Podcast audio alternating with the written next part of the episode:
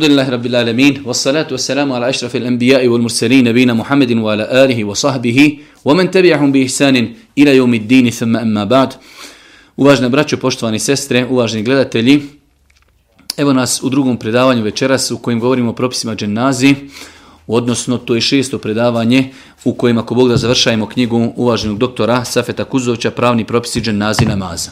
Ja sam odlučio samo inicijativno za one koji nisu redovno pratili predavanje, da prijeđemo samo preko nekih najosnovnijih pitanja u ovoj knjizi i na kraju ćemo se, ako Bog da, zadržati kod nekih neosnovanih postupaka koje je Šest Safet poslije spomenuo na kraju ove knjige, a koji se vezuju za dženazu. Na početku knjige govorili smo, e, na samom početku knjige Šest Safet je e, spomenuo jedno poglavlje kako treba da se ponaša čovjek na smrtnoj postelji, pa prva stvar jeste da bude strpljiv i da sa strpljenjem podnosi nedaće mu sibete koji ga zadesi, očekujući nagradu od uzvišenog Allah subhanahu Nakon toga je govorio o tome da u islamu propisano i da se velike nagrade obećavaju onima koji brinu o bolesnicima, koji obilaze e, bolesnike, pa je jednom vjerodostojnom hadisu spomenuto da 70.000 meleka iziđe sa čovjekom i dovi e, za njega ako on jutrom obiđe bolesnika, a isto tako i naveći. Nakon toga e, govorili smo o pitanju da li je dozvoljeno priželjkivati smrt, pa smo kazali da u islamu generalno nije dozvoljeno priželjkivati smrt, ali ako bi došao čovjek u situaciju tako da su ga zadesili veliki musibati i nedeće da ne može više trpjeti, neće priželjkivati smrt, već će dobiti Allah subhanahu wa ta'ala da mu podari ono što je dobro za njega, ako je za njega dobro smrt, da mu uzvišeni Allah subhanahu wa ta'ala podari smrt. Rekli smo da je bitno, e, veoma bitno da čovjek e, prije nego što preseli izmiri dugovanja koja iz ima između sebe i drugih ljudi ili eventualno ako su mu ljudi povjerili određene stvari na čuvanje da ih vrati na vrijeme. Ako to insan i ne uradi za svoga života, onda porodca čovjekova e, Megitova treba da se potrudi u što kraćem roku da izmire njegove dugove. Allah poslanik je znao odbiti, klanjati dženazu ljudima koji su ostali zaduženi, e, znači prije svoje smrti. Govorili smo o oporuci, rekli smo da u islamu je propisano da čovjek može oporučiti e, dok je još živ e, trećinu svoga imetka, ali pod uvjetom da ta trećina znači bude e, usmjerena nekome ko nije njegov šerijetski nasljednik, jer šerijetski nasljednici će dobiti ono što im je uzvišeni Allah subhanahu odredio, pa znači oporuka se može oporučiti maksimalno u vrijednosti trećine čovjekovog imetka i da bude namijenjena nekome ko nije čovjekov šerijetski nasljednik. Rekli smo da je lijepo i znači da čovjek oporuči ko će mu klanjati dženazu, ko će ga e, okupati, zamotati u čefine, pogotovo ako pretpostavlja da će prilikom obavljanja njegove dženazi biti urađene mnoge stvari koje su neispravne. Lijepo je da čovjek oporuči da mu se dženaza klanja po sunetu Božih poslanika, ali se letu veselam. Kada u pitanju telkin, e, rekli smo da je propisano da čovjek na smrtnim, e, smrtnoj postelji, kada mu nastupi smrt, da se postići na izgovor riječi la ilaha illallah, jer je Boži poslanik potvrdio vjerodostojnim hadisima da e, onaj ko kaže la ilaha illa i tom budu zadnje riječi da će ući u džennet. Pa je propisano e, znači posticanje čovjeka na izgovor la ilaha illallah na smrtnoj postelji. Postica će se na, na način kako se misli da je to najprihvatljivije za njega, znači nekada će direktno, a nekada indirektno.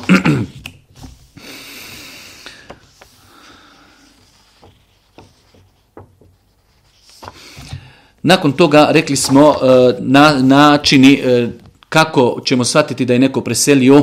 E, najbolje danas u današnje vrijeme jeste da se medicinski ustvrdi da je čovjek preselio. Nakon toga počinjemo u proceduru šta raditi sa mejitom kada konstatiramo da je mejit preselio. Imamo nekoliko simptoma koji, ajde da kažemo, pokazuju da je čovjek preselio, pa smo rekli da je to e, opće hlađenje tijela, kočenje pogleda, e, zaustavljanje rada srca i tako dalje. Ali generalno najbolje je znači tražiti medicinsku intervenciju da ljudi stručni iz medicine potvrde da je čovjek preselio. Nakon toga rekli smo da je lijepo e, požuti sa zatvaranjem očiju kako se ne bi to hladio, a da su mu ostale oči otvorene. Nakon toga rekli smo da je lijepo podvezati e, vilicu mejita kako usta ne bi ostala otvorena i zbog izgleda mejita, a isto tako e, to će olakšati ljudima koji budu poslije kupali mejita. Lijepo je također u tim prvim momentima kada medjid preseli da mu se razgibaju e, zglobovi kako ručni, kako znači e, u laktovima, u ramenima, tako isto u koljenima, sve te stvari će olakšati prilikom kupanja medjita.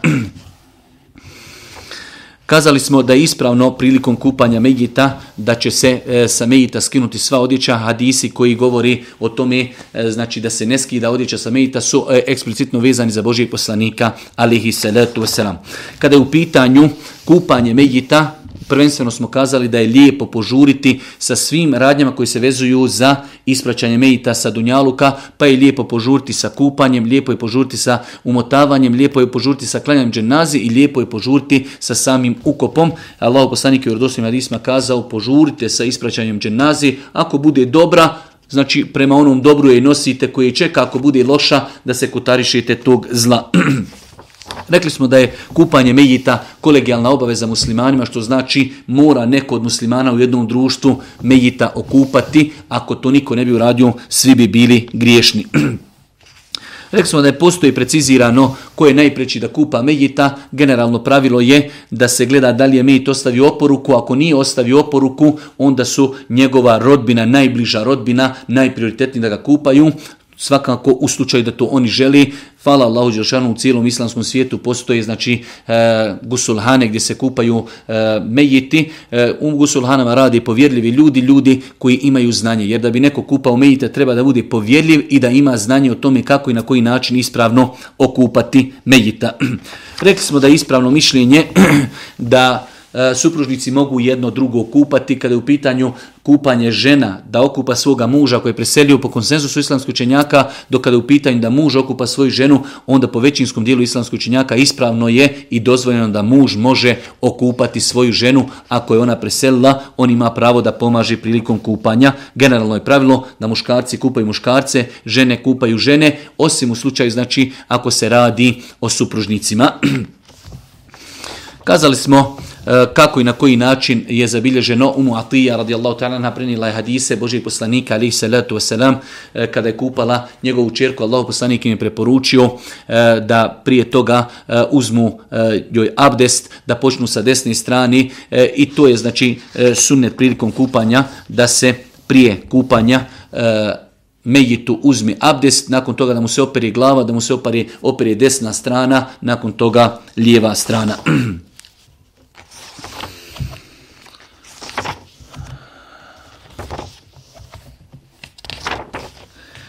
Nakon toga, nakon što se završi, nakon što se završi e, kupanje medita e, govorili smo u proteklim predavanjima o detaljima kako i na koji način namirisati tijelo, e, E, prilikom kupanja. Nakon toga dolazimo do e, zamotavanja medjita u čefine, pa smo kazali da od vremena Božeg poslanika, ali se ratu selam, pa sve do današnjih dana muslimani imaju praksu da svoje medjite zamotavaju u čefine, što je u jednu ruku i logično. E, čovjek kada se okupa, znači nima na njemu odjeći, treba zamotati ga u neki čefin koji će ako prekriti njegovo tijelo od pogleda ljudi.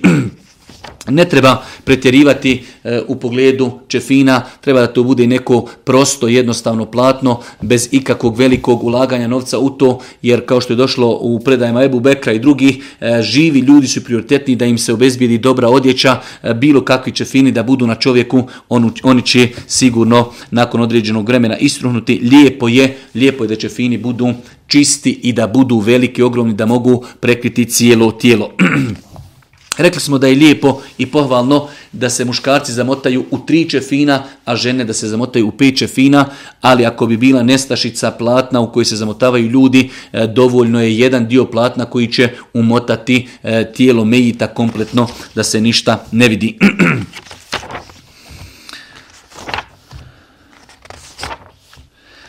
Juče smo govorili o dženazi namazu, rekli smo da je klanjanje dženazi namaza također kolegijalna e, obaveza muslimanima, što znači mora neko biti u muslimanskom društvu ko će klanjati e, nekom muslimanu e, dženazu. Ako niko ne bi klanjao, svi muslimani bi bili griješni.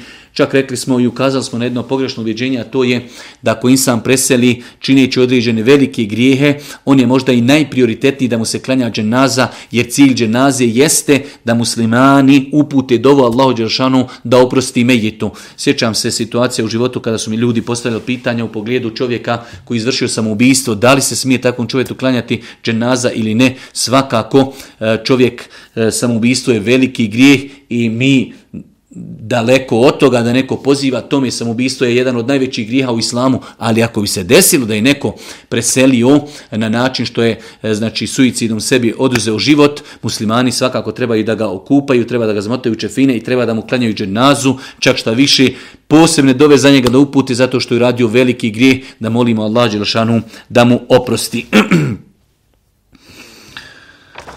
Rekli smo da klanjanje dženaze ima dvo, e, dvostruku korist i onima koji klanjaju i onima kojim se klanja. Oni koji klanjaju, Allah poslanik je obećao nagradu da insan ako e, klanja dženazu ima ima nagradu veliku kao brdo Uhud Kirat, a ako i bude prisutan dok se dženaza ispusti u kabur i dok se Mejit kopa, ima takve dvije nagrade. S druge strane, Allah poslanik je rekao, ako jednom čovjek klanja stotinu ljudi e, dženazu, Allah Želšan će prihvatiti njihovo zauzimanje, u drugim hadisima je to 40 ljudi, a u jednom vjerodostojnom hadisu je došlo da bilo kojem čovjeku klanja trojica e, e, ljudi u tri safa E, podijeljeni, da će uzvišenje Allah subhanahu wa ta'ala takvog insana uvesti u džennet. Pa smo rekli da je pohvalno i lijepo da se ljudi prilikom obavljanja džennazi bez obzira da li njihov broj bio malehan, da se podijeli u tri safa.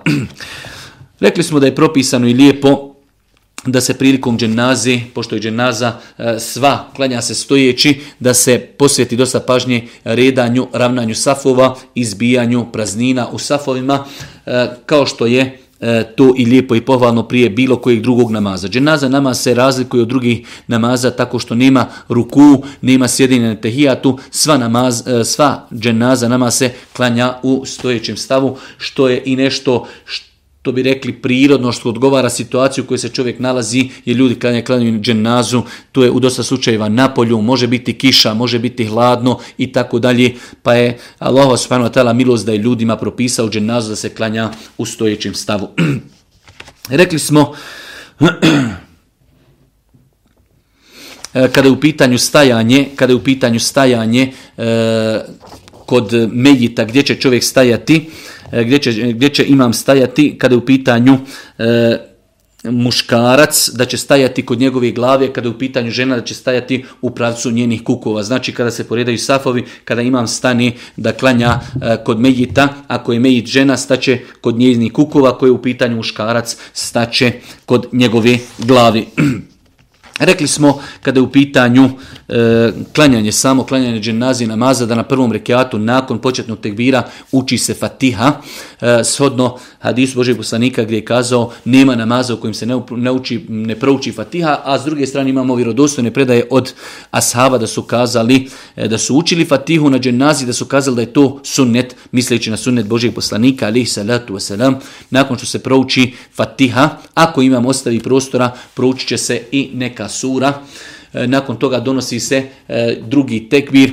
E, po ispravnom mišljenju isto tako preneseno je od ashaba da su dizali ruke prilikom svakog tekbira, tako da je inšala dozvoljeno i od suneta dizati ruke, ali ako bi to neko izostavio, inšala bizna nije pogriješio, pa znači ruke se podižu kod prvog tekbira i kod svih ostalih tekbira, nakon prvog tekbira uči se fatiha, nakon drugog tekbira uči se uči se e, salavat na Božije poslanika, ali se letu sram, ponovo se donosi treći tekbir, nakon toga uči se dova za Mejita, nakon toga donosi se četvrti tekbir, ako ostavi prostora imam koji klanja dženazu, mi ćemo nastaviti sa dovljenjem, ako ne ostavi, nakon toga se e, predaje selam. Rekli smo e, da postoji dva načina predavanja selama, da se preda samo na desnu stranu, što je bila većinska praksa Božije poslanika, a može se predati i na lijevu i na desnu stranu. Rekli smo da u nekim iznimnim situacijama može se e, donijeti i pet tekbira jer je i to također zabilježeno u vjerodostojnim predajama. Nakon toga rekli smo da je ispravno, da nema smetnje, pogotovo ako zatim postoji potreba da se može klanjati i u džamiji, ali većinska praksa Božje poslanika je bila da je klanjao, da je klanjao na polju. Nakon toga e, ostaje e, pitanja ukopa, Rekli smo da je kolegijalna obaveza muslimanima da ukopaju mejita, da ukopaju mejita. Rekli smo da nema smetnji, rekli smo da nema smetnje da oni koji prate dženazu mogu pratiti, bukvalno pratiti, da idu iza dženaze koja se nosi, a isto tako e, ispravno je i dozvoljeno da ljudi idu i ispred jer je to sve zabilježeno i od Božeg poslanika i od Ebu Bekra i od Omera da su ponekada išli i prije dženaze, prije mejita koji se nosi, a i poslije Mejita. Isto tako,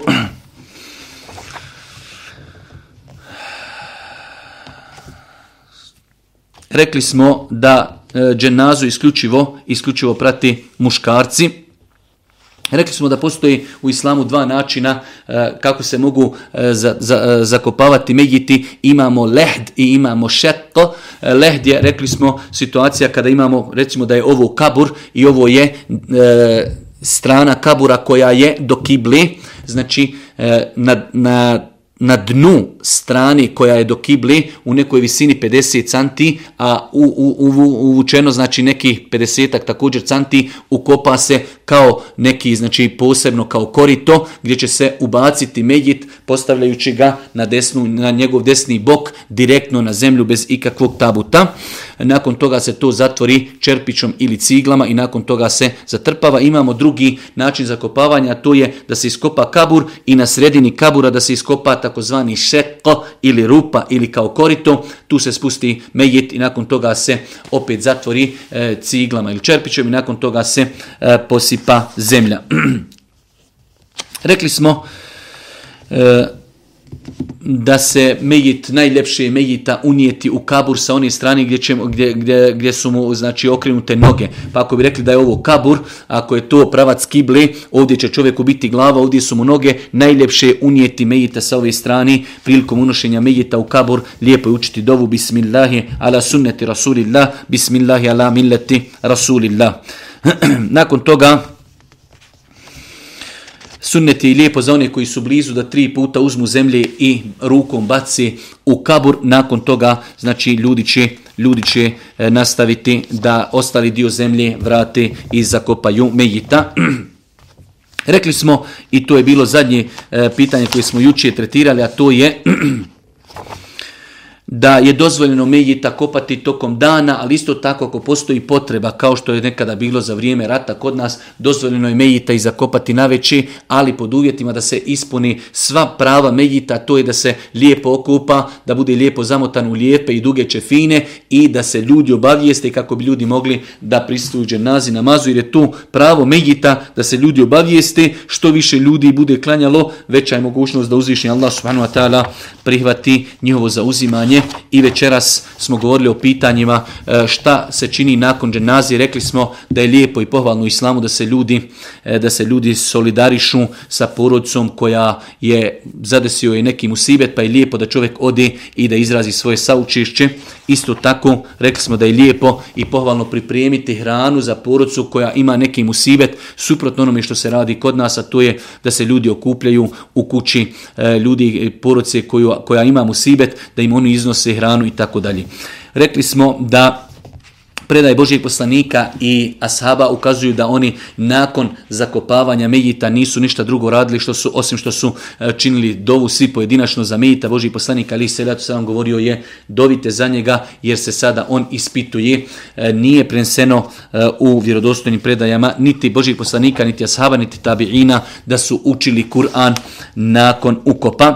Rekli smo da u islamu propisano, odnosno s druge strane zabranjeno da se e, prilikom hodanja kroz mezarluke i između mezarluka hoda u obući. Svakako ta zabrana e, prestaje onog momenta kada čovjek ima veliku poteškoću u prakticiranju tog sunneta, pa ako je hladno, ako je kiša, ako je blato, e, čovjek inšala biznila ima pravo da hoda između kaburova i u obući.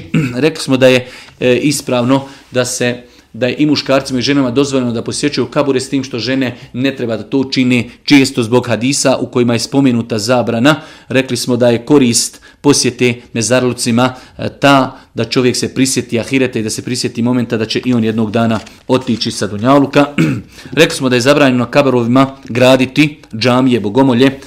Rekli smo da je zabranjeno kaborovima bespotrebno pisati nešto E, graditi na njima, sjediti na njima, klanjati na njima i činiti kabur između sebe i kibli. Rekli smo u pogledu e, pisanja po kauroma da šest safet zastupa stav da ne treba ništa pisati. E, iščitavajući ovu tematiku ja sam ipak došao do, do nekog, hajde kažemo, spoznaje da inša bizna, pogotovo u današnje vrijeme kada imaju veliki mezaristani, da ostane trag, da se zna ko je gdje ukopan, da se upiše samo ime i prijezme čovjeka, eventualno uz to još i vrijeme u kojem je živio, kada je rođen i kada je umro, mislim inšala da ako bi to čovjek radio da ne bi bio griješan. Rekli smo da je zabranjeno strogo vršiti fiziološku potrebu velik veliku ili malu u e, mezarlucima. Zabranjeno je strogo e, prinositi žrtve kod mezarova, zabranjeno je strogo tavafiti oko kaburova i na kraju zabranjeno je od mrtvih tražiti bilo kakvu pomoć. Nakon ovog kraćeg nekog inšala rezimea ostaje nam u zadnjem dijelu knjige Šej Safet je spomenuo 68 stvari koji se vezuju za dženazu, koji nisu utemeljene. Mi ćemo kratko neki pročitati, neki ćemo ako Bog da samo kratko prokomentarisati, a neki e, zbog toga što nisu nešto mnogo i zastupljene, nećemo ni čitati. Prva stvar, oglašavanje smrti putem razglasnih uređaja na munari, učenje takozvani salli. Znači, e, Imamo običaj da se u određenim mjestima i danas dan uči takozvani salle ili da se smrt određenih ljudi oglašava putem, putem e, razglasa na munari. Takve stvari, takve stvari nisu propisane i potpadaju pod određene zabrane u islamu. Isto tako e, naricanje, odnosno udaranje po obrazima, cijepanje odjeći je strogo zabranjeno. Učenje El Fatihe kada se čuje da je neko preselio. Nažalost, to je i tekako kod nas prošljeno da ljudi kada nose dženazu malo, malo zaustavi se El Fatiha, pa prije ukopa, pa poslije ukopa i tako dalje. Rekli smo da ono što ima utemeljenja jeste da se nakon što se zagrni mediti, nakon što se zakopa, da se svi ljudi po, po na osob obrati uzvišom Allahu subhanahu ta'ala doveći za Megita To je ono što je propisano. Isto tako, E, broj šest, prihvatanje mejtovih grijeha sa ili bez nadoknadi. Ovo nam je znači e, greška koju ukazao na nju autor Safet, e, navodeći u fusnoti da ima i takvih primjera da ljudi kao privataju za, sparama ili bez para nečije grijehe što nema nikakve osnove u islamu. U islamu čovjek znači ono što je radio zapisano i zato će polagati, grije, polagati račune na sudnjem danu osim ako je se prije toga pokajao. Isto tako organiziranje posebnih sjela međlisa da bi se mrtvom proučila hatma prije ukopa. E, mi smo rekli da znači e, neko od rodbine može za Mejita nešto proučiti i to poklonuti, poklonuti nagradu toga Mejitu, ali organiziranje da se nekome plati, da sjedi, da uči, da prouči hatmu, e, znači takva stvar je zabranjena i nema nikakvog utemeljenja u islamu. Stavljanje glogovog drveta na četiri kućna ugla nakon smrti staratelja stvar koja također nije e, u islamu propisana, da porodca umrla, umrlog ne jedi sve dok sve do završetka ukopa. Znači, u nekim mjestima imamo i situaciju da ljudi ne jedu ništa dok se ne završi sa ukopom mejita. Vidjeli smo kako su ljudi u prvim generacijama posticali e, znači druge da donesu e, poroci umrlog nešto od rani jer njih će žalost i onako i onako oslabiti tako da treba da oni znači da ih u jednu ruku podsjećaju pa čak i da ih znači natjeravaju i tjeraju da jedu kako bi ojačali svoja tijela. 11 Ostavljanje posude i napunjene vode u blizini Megita, smatrajući da duša kada iziđe ožedni, te da se napije iz te posude, e, Nažalost, dosta puta ljudi određenim pitanjima tako pristupaju. Ljudi ostavi čašu vode mjesec dana i ta čaša stoji uvijek, voda stoji ista, ali kao duša dolazi, duša pije vodu i tako dalje. Stvari koje kada bi pogledali racionalno, bez vjere i bez ičega, vidimo da nemaju nikakvog smisla, kamoli što nemaju nikakvo utemeljenje u vjeri. Isto tako ostavljanje kruha i posude napunjene vodom tri ili više dana na mjestu kupanja Megita – nakon što se mejit okupa na tom mjestu da se ostavi kruh i da se ostavi hljeb ili e, znači voda, e, nema nikakvog utemeljenja. Smatrati zabranjen da se hoda po prostorijama koje su iznad mejita. Ako je mejit primjer radi u kući, pa ako je u nekoj sobi, ne smije se hodati iznad mejita. Takvo utemeljenje nema nikakvo, apsolutno e, nikakvu potvrdu u islamu paljenje vanjskih svjetiljki dva, dvije ili tri sedmice nakon smrti Megita. Svima nam je poznato da u velikom broju slučajeva ljudi prakticiraju da e, vanjsko svjetlo ili svjetiljke ostanu po nekoliko sedmica ili 40 dana upaljene, znači kao neki posebni ibadeti, nema, nikakve, nema nikakvog utemeljenja. Stavljanje spiha na stomak muškog mejita nema nikakvo utemeljenje. Mi smo kazali kada smo govorili o tome da mejit kada se ustanovi da je umro, da mu se zatvori oči, da mu se podveže vilica, da se prekrije prekrije se velikim e, čaršafom. E, neki učenjaci su smatrali da se treba staviti neki težak predmet na stomak kako se ne bi napuhivao, ali stavljati, e, znači, i to smo rekli da nije propisano, ali stavljati tespih ili Kur'an ili bilo šta drugo na tijelo mejita nema nikakvo utemeljenje. Kaže Šej Safet da je odgađanje ukopa zbog odsustva nekog od rodbine, da je i to neispravno. E, u svakom slučaju najbolje je požuriti sa ukopom mejita ako bi se radilo možda o nekom e, odgađanju jednog dana da bi prisustvovao otac ili sin, ocu i tako dalje, da to odgađanje inšala ne bude dugačko, inšala nadamo se da to ne bi trebao da bude problem, ali da se odgodi 3, 4, 5 dana dozak neke rodbine, e, znači e, to je definitivno neispravno jer smo rekli generalno hadis Božih poslanika ali se ratu selam podstiču da se požuri sa ukopom mejita. Posebni zikrov prilikom kupanja mejita, rekli smo kupanje mejita kako izgleda i ne postoji nikakvi posebni zikrovi prilikom kupanja mejita. prenošenje mejita radi ukopavanja u rodnom kraju. Nažalost, jedna velika praksa jeste da ljudi e, se, ako su preselili na jedno mjesto, da traži da se odnesu u neki svoj rodni kraj i da se ukopavaju. Osnova je, ovo je velika osnova, da čovjek treba da bude ukopan ondje gdje je preselio. Osim ako zaista postoje validni šerijatski razlozi o kojima ja ne bi ovdje sada da govorim, ali ako bi čovjek živio u nekoj državi gdje ne postoji muslimanska e, greblja ili gdje postoji neka mogućnost da će njegovo tijelo biti unakaženo ili e, znači zloupotrebljeno, u tom slučaju da se tijelo transportuje negdje da se ukopa na drugo mjesto, to je validan šerijatski razlog, u suprotnom čovjek treba da se ukopa u ono mjesto gdje je on živio. Isto tako Umotavanje mejita u skupocine kefine, rekli smo da nema potrebe. Zatim, umotavanje mejita u kefine kojima su ispisani određeni ajeti ili sure. Nerijetko ljudi uzmu čefine posebne kojima su e, znači ispisani kuranski ajeti, to čak može biti poigravanje i smijavanje e, sa ajetima ili surama, da se to nalazi na mejitu, pa može biti ispod mejita i tako dalje, tako da čefini, rekli smo, treba i da budu bijeli, eventualno jedan od čefina treba da bude u pruge. Prekrivanje medita zelenim platnom na kojem je ispisano ajetul kursi ili nešto iz Kur'ana, iako dotično platno biva ostranjeno neposredno e, prije ukopa i to je stvar koja nema nikakvu uteljenja u islamu. Smatrati da se mrtvi posjećuju, ponose i međusobno vališu svojim čefinima i smijavaju onoga koji ima skromne čefine. Znači, neispravno je ubjeđenje da se mejiti međusobno posjećuju, da se oni jedni drugima hvali sa svojim čefinima, a da se ismijavaju sa onim koje imaju bijedne čefine. Rekli smo da su najveći ljudi ovog ummeta, sahabi Božijeg poslanika, znali biti ubijeni i da nisu imali čime da ih zamotaju do te mjere da ako bi im pokrili glavu, noge bi se otkrile, pa su ih zamotavali u njihovoj odjeći koju su preselili i to sigurno neće umanjiti njihovu vrijednost kod uzvišnog Allaha subhanahu wa ta'ala. Smatrati da je tijelo dobrog mejita lagano, a lošeg mejita teško. E, nerijetko možemo čuti da ljudi kažu nosili smo dženazu, dženaza je mnogo teška i kao taj mejit je loš mejit, to nema nikakve veze u islamu, znači normalno ako je čovjek bio visok, ako je bio debel, ako je bio, hajde da kažemo, krupan, da će njegovo tijelo biti teško, logično ako je mejit bio dijete ili ako je čovjek koji je mršav ili stari ili ako je nizak, da će njegovo tijelo biti lagano. Isto tako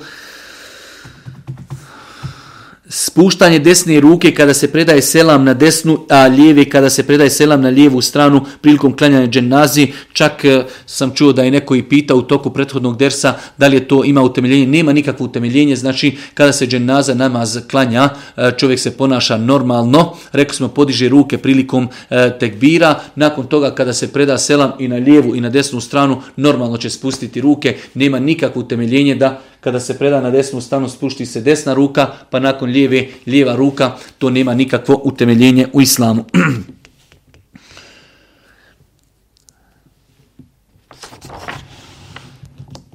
E, broj 30. Transportovanje mejita određenim prijevoznim sredstvima do do mezara. Ovo u slučaju ako nema zatim potrebe. Znači nekada zaista eh, od kuće Mejita do mezarluka je par stotina metara, tada trebaju ljudi da ponesu Mejita eh, rukama, ali zaista ako postoji potreba i to je Šej Safet pojasnio u fusnoti, ako eh, znači Gusulhana i, i mezarluci gdje će se klanjati dženaza su udaljeni kilometar dva ili više, svakako da će se onda tijelo Mejita olakšano prevući u nekom privoznom sredstvu, nakon toga, nakon nakon toga na rukama donijeti do kabura. Učenje Kur'ana ili zikrenje onih koji prati ili vide i dženazu. Znači ne postoji posebno e, nikakve posebne sure niti posebni zikrovi za ljude koji prate dženazu. Čovjek može učiti Kur'an zato što ima običaj da uči Kur'an ili da zikri zato što ima običaj da zikri, ali da postoji posebni zikrovi koji se uče prilikom praćenja dženazi, to ne. Beskorisna priča, smijanje, dizanje glasova i neozbiljnost onih koji prati dženazu.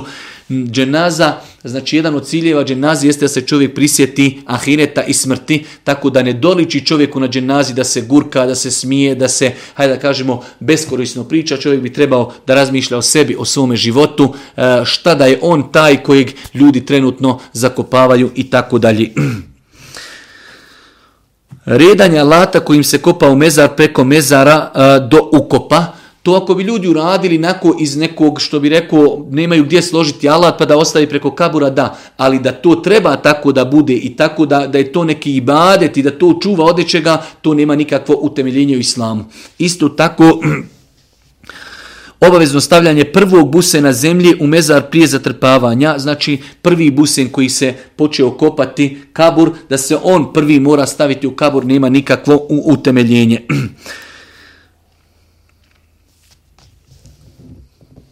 uvjerenje da ako pokisni mezar prije ili neposredno poslije ukopa, da će nakon kratkog vremenskog perioda umrijeti još neko iz bližnje ili daljnje rodbine, e, uvjerenje koje nema nikakvog utemeljenja u islamu, koji na kraju krajeva i racionalno, ko pogledamo kakve veze ima to da je kiša pala i pokisao je kabur i da će neko preseliti iz određene e, poroci, ali jednostavno e, ljudi u tom svom, rekli smo, neznanju, onda sujevjerje i kako je u našim podnevljima, tako da tu, to da li je pala kiša, da li je neko ukupan u kiši, poslije pala kiša, prije pala kiša, to nema nikakve veze sa tim da li će neko prije ili poslije umrijeti. Uvjerenje da ako se mezar poprska vodom nakon ukopa da neće biti, da, e, da neće niko ubrzo umrijeti iz rodbine, opet e, uvjerenje koje nema nikakvo utemeljenje u islamu, upotreba ne bezbojne lakirane obavezno kestenove daske. Znači, e, ako već stavljamo dasku u kabur, onda to treba da bude neka najjednostavnija daska, bez da to mora biti lakirana, neka skupocijena kestenova, jer bez obzira šta da stavim u zemlju, sve će to istrunuti. Učenje posebnih zikra prilikom spuštanja mejita u kabur, rekli smo da postoji jedan e, vjerodostan zikra, to je Bismillah ala sunneti rasulillah i ništa više od toga. ukopavanje mejita sa tabutom ili u sanduku. E, znači od e, prakse muslimana prvih generacija jeste da se kada se mejit e, donese, da se spusti direktno na, na zemlju bez ikakvog tabuta, a da ne govorimo o, u sanduku. Znači zakopavanje mejita u sanduku definitivno je ponašanje nevjernika, a zakopavanje, zakopavanje mejita sa tabutom nije praksa muslimana, znači tijelo muslimana treba direktno spustiti na zemlju. Obavezno spuštanje lopati na zemlju prije nego što je uzme drugi koji želi zakopavati mezar. Ovo je praksa koja je itekako rasprostranjena kod nas, a to je da ljudi kada zakopavaju, zakopavaju e, kabur, zakopavaju znači mejita, kada završi spuštaju lopatu, nakon toga i neko drugi uzima i treba čovjek lagano da tu, ajde kažemo sve ove stvari koje se spominju da ih lagano izbacu iz praksi, čovjek kada završi nekom je direktno treba da preda lopatu, jednostavno da se ta neispravna praksa lagavno izbacuje. Stavljanje jastuka ispod mejtove glavi bilo se radi o zemlji, kamenu ili drvetu, nema nikakve osnovi. Stavljanje novca ispod mejtove glavi nema nikakve osnovi. Poljevanja vode preko mezara nakon ukopa. E, u arapskom svijetu nekada ljudi poprskaju kabur ili mezar, E, e, vodom iz razloga što kod njih je zemlja pjeskovita i vjetar znači lako odnese zemlju tada oni nakon što ukopaju nekoga poprskaju e, kabur vodom kako bi se ta voda kako bi se ta zemlja malo hajde kažemo malo spliskala i kako bi se učvrstila da je vjetar ne otpuši ali u našim prostorima i podnevljima zaista nema potreba za tim Učenje posebnih zajedničkih dova nakon ukopa, rekli smo da je od sunneta da nakon dženaze namaza, nakon dženaze namaza muslimani svako za sebe uči dovu za mejita, ne postoji zajedničke dove koje se e, uče za mejita. Učenje tri posljednje sure e, iz Kur'ana nakon ukopa, rekli smo generalno, nakon ukopa se ne uči e, Kur'an na kaburu, a između ostalog i tri posljednje sure. dijeljenja nečega slatkog, lokuma, halve ili slično nakon izlaska iz rukla Može se to podijeliti ako bi to bilo slučajno, ali da se to uzme za običaj, da se svaki put, poslije svake dženazi, nakon svakog ukopa podijeli nešto slatko, to je definitivno neispravno. učenje Kur'ana mrtvima uz nadoplatu, definitivno stvar koja je strogo zabranjena u islamu, da neko prouči nešto od Kur'ana i da to naplati. Mi smo kazali da je ispravno mišljenje da čovjek može proučiti nešto od Kur'ana i sevap toga poklonuti Megitu, ali da se to naplati, to je neispravno i jedna od najstrožijih e, pravnih škola koja to zabranjuje jeste naša pravna hanefijska škola koja je zastupljena našim prostorima doviti kod kabura poslanika i dobrih ljudi smatrajući da je dova na tom mjestu primljena. Jedna od neispravnih stvari vezana za kaburove jeste i to da ljudi kod kabura Božijeg poslanika ili drugih poslanika stanu i dovi misleći da je to posebno mjesto gdje se dova prima. razgovarati sa mrtvima nema nikakvog utemeljenja u islamu, doviti preko mrtvih, da čovjek dovi mejitu, da on dovi Allahu za njega je neispravno. Znači čovjek, rekli smo u islamu, nema posredništva, mejit čovjek, znači njegova dobra djela su prestala, on više ne može koristiti sebi, kamoli da koristi drugima, čovjek ako želi doviti bez obzira koliko čovjek koji je ukopan bio bogobojazan i učen ili ugledan, njegova dobra djela prestaju, mi možemo za života nekom čovjeku pobožnom doći i kazati Amidža ili brate ili šehu ili ili možeš li Allahu puti za mene dovu, nadam se će tvoja dova kod Allaha biti primljena za mene, da. Ali da dovimo mrtvom čovjeku neispravno, apsolutno. Prskanje vodom po kaburu supruge, ako se muž oženi nakon nje, smatrajući da, to, da ta voda gasi sinu ljubomoru ženi. Prskanje vodom po kaburu supruge, to je kod nas znači, posta, e, prisutno, e, prskanje vodom po kaburu supruge, ako se muž oženi nakon nje ukrašavanje kabura mramorom, ružama, vijencima, svijećama, ogradom, raznim pločama, slikana, e, slikama i nišanima. E, autor kaže da su te sve stvari e, znači neispravne. Ukrašavanje kabura mramorom, ružama, vijencima, svijećama, ogradom, raznim pločama, slikana, nišanima, sve su to stvari koje nemaju nikakvo utemeljenje pisanje imena Mejita na nišanu ili imena onih koji su podigli nišane, mi smo rekli da je šest Safer odabrao mišljenje da se ne treba pisati ništa. E, ja sam i danas, a i prije istraživao ovo pitanje.